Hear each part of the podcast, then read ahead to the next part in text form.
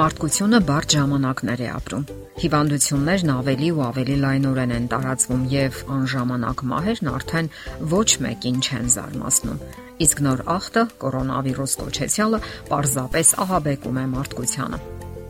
լավագույն ուղեղները բնականաբար որոնում են ելքը եւ նորանոր դեղորայքներ առաջարկում։ Պակասում են արդյոք անժամանակ մահերը եւ մահերն ընդհանրապես։ Դժվար է ասել, սակայն որ մարդիկ այնքան էլ մտահոգված չեն իրենց առողջությամբ, դա փաստ է։ Նրանք ծխում են, ալկոհոլ օգտագործում, սխալ կենսակերպ են վարում, շատ քիչ են շարժվում եւ արդյունքում յուրաքանչյուր քիչ թե շատ լուրջ որևէ ախտ արագ տապալում է նրանց։ Եվ վերջապես մարդկանց մի հսկայական զանգված հույսները դնում է դեղերի վրա։ Այնինչ ամուր առողջությունը եւ ամուր իմունիտետը շատ ու շատ հարցեր կլուծեր։ Եվ այսպես, ինչպես կարելի է պահպանել առողջությունը մեր օրերում լարված նյարդային հարաբերությունների մեծ ծանրաբեռնվածությունների օրերում։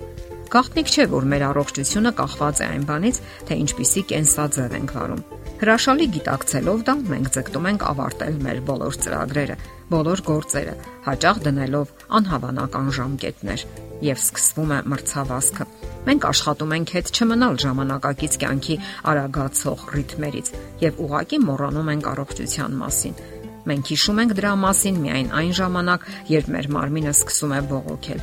Ծխելը, ալկոհոլի չարաշահումը, ճարպոտ եւ աղի սնունդը, հաճախակի սթրեսային վիճակները, ավելորտ քաշը, նստակյաց կյանքը դանդաղորեն, սակայն կայուն ձևով քայքայում են մեր առողջությունը։ Եվ եթե մենք ցանկանում ենք ունենալ հիանալի առողջություն, գերազանց եւ անխափան գործող օրգան համակարգ, որոնք երկար տարիներ կարող են ծառայել մեզ, ապա պետք է ոչ միայն իմանանք մեր օրգանիզմի մեխանիզմները եւ առողջ կենսաձևի սկզբունքները, այլև պետք է կյանքում կիրառենք դրանք։ Մի ժամանակ դժվար էր գտնել գիտական համակարգված տեղեկություն առողջ եւ ճիշտ սննդակարգի վերաբերյալ։ Համացանցի շնորհիվ այսօր կարելի է ցանկացած նյութի վերաբերյալ հսկայական օգտակար տեղեկատվություն ստանալ Այցելելով պրոֆեսիոնալ կայքերը կարելի է գտնել թե տեղեկություններ առողջ սննդակարգի վերաբերյալ եւ թե ինչպես պետք է պատրաստել առողջ, օգտակար, կենսաբանորեն լիարժեք ու համեղ ճաշատեսակներ։ Այդպես կարելի է կազմել ամբողջ օրվա ճաշացանկը եւ ոչ միայն օրվա, այլև շաբաթվա կամ ամսվա։ Եթե մենք կարողանանք հետևել ճիշտ սննդակարգին ողջ օրվա ընթացքում, կունենանք հիանալի ինքնազգացողություն, անսպառ երանգ եւ աշխատունակություն։ Իսկ լիարժեք հանգիստը մարդու համար կարևոր եւ բնական անհրաժեշտ պահանջմունքներից մեկն է։ Այն երբեք չի կարելի անտեսել։ Մտածեք հանգստի ձեզ հոգեհարազատ որևէ ձևի մասին։ Կարելի է գնալ որևէ օգտակար լավորակ ֆիլմ կամ ներկայացում դիտելու։ Կարելի է այցելել ընկերներին, կարդալ սիրելի հեղինակին, գնալ որևէ հանգստավայր, Պարզապես զբոսնել մոտակա այգում կամ պուրակում, իսկ ծառաշատ ծառուղիներով քայլելը միայն կհանգստացնի ձեր նյարդային համակարգը։ Մի քանի խոսք էլ քնի մասին։ Երբեք պետք չէ թերագնահատել այն։ Քունը օրգանիզմը հանգստացնող եւ վերականգնող լավագույն միջոցն է։ Առողջ քունը վերականգնում է կորած էներգիան աշխատանքային հոգնեցուցիչ ժամերից հետո։ Իսկ ինչ կարելի ասել բնականon քաշի մասին։ Շատ կանայք պարզապես խենթանում են բնականon քաշ պահպանելու համար, եւ դա միանգամայն հասկանալի է։ Դա եւ արտաքին վայելչություն է եւ օգտակար է առողջության տեսակետից։ Բժշկական ցուցանիշներին համապատասխան քաշը առողջության գրավականն է։ Ում է դուր գալիս ցծված փորով տղամարդը կամ գերկինը։ Հասարակության մեջ միգուցե դա բարեկեցության նշան է, սակայն որ առողջության տեսակետից վնասակար է, դա անվիճելի է։ Հարկավոր է ոչ միայն ժամանակ առ ժամանակ որոշակի սննդակարգի հետևել, այլ ընդհանրապես առողջ սնվել, որովհետև ավելորդ կիլոգրամները միայն հոգս են։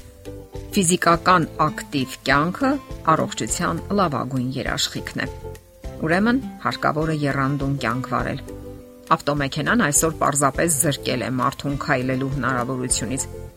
Օրական գոնե կես ժամ հարկավոր է նվիրաբերել վարժություններին Դրանք կարող են լինել առավոտյան լիցքային վարժություններ, առողջարարական քայլք կամ վազք։ Ինչն է ձեզ ավելի հոգեհարազատ, դուք այն էլ ընտրեք։ Հայաստանում օրինակ այնքան էլ ընդունված չէ վազելը,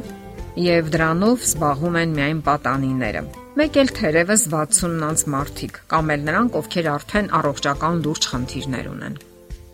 Անկարևոր չէ նաև կանոնավոր բժշկին այցելելը։ Հիշենք, որ անհամեմատ ավելի հեշտ է կանխել հիվանդությունը, քան բուժել։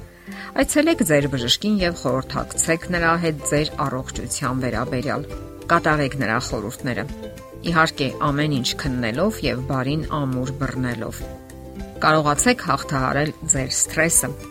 Ցանկալի է սրտին շատ մոտ չընդունել տհաճ իրադարձությունները։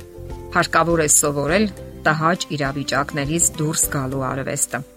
Սովորեք թե ինչպես փիլիսոփայորեն մտածել, ինչպես ապրել խղճին համապատասխան եւ ինչպես հրաշալի հարաբերություններ պահպանել մարդկանց հետ։ Երբեմն իհարկե իսկապես շատ բարդ է կյանքի կոչել այս բոլոր հրահանգները եւ բոլորիս մոտ էլ հոգու խորքում ինչ որտեղ նստած է կամակոր ու չարաճճի երեխան, որը կատաղի կերպով դիմադրում է այս բոլոր կանոններին։ Սակայն հարկավոր է հիշել մի կարևոր ճշմարտություն, Չնայած ժամանակակից քաղաքակրթության բոլոր նվաճումներին, մարդը միշտ էլ եղել եւ շարունակում է մնալ իր առողջության լիիրավ տերը եւ իրենից բացի ուրիշ ոչ մեկը չի կարող պատշաճ մակարդակով հոգալ իր առողջության մասին եւ պահպանել այն հիանալի մակարդակում։ Ֆիզիկական եւ բարոյական առողջության ներդաշնակ համակցումը կօգնի ձեզ դրականորեն նայելու շրջակա աշխարհին, ապրելու ստեղծագործական կյանքով, կառուցելու ընտանեկան երջանկությունը։ Հիշենք, որ ծոլությունն ու սովորությունները չփոխելը վաղ թե ուշ հանգեցնելու են ճգնաժամի, իսկ ահա երանդուն կյանքը կավելացնի ձեր կյանքի տևողությունը եւ այն էլ առողջ կյանքի տևողությունը։ Եթերում առողջ ապրելակերպ հաղորդաշարն է։ Ձեզ հետ է Գեղեցիկ Մարտիրոսյանը։ Հարցերի եւ առաջարկությունների համար զանգահարել 033 87 87 87 հեռախոսահամարով։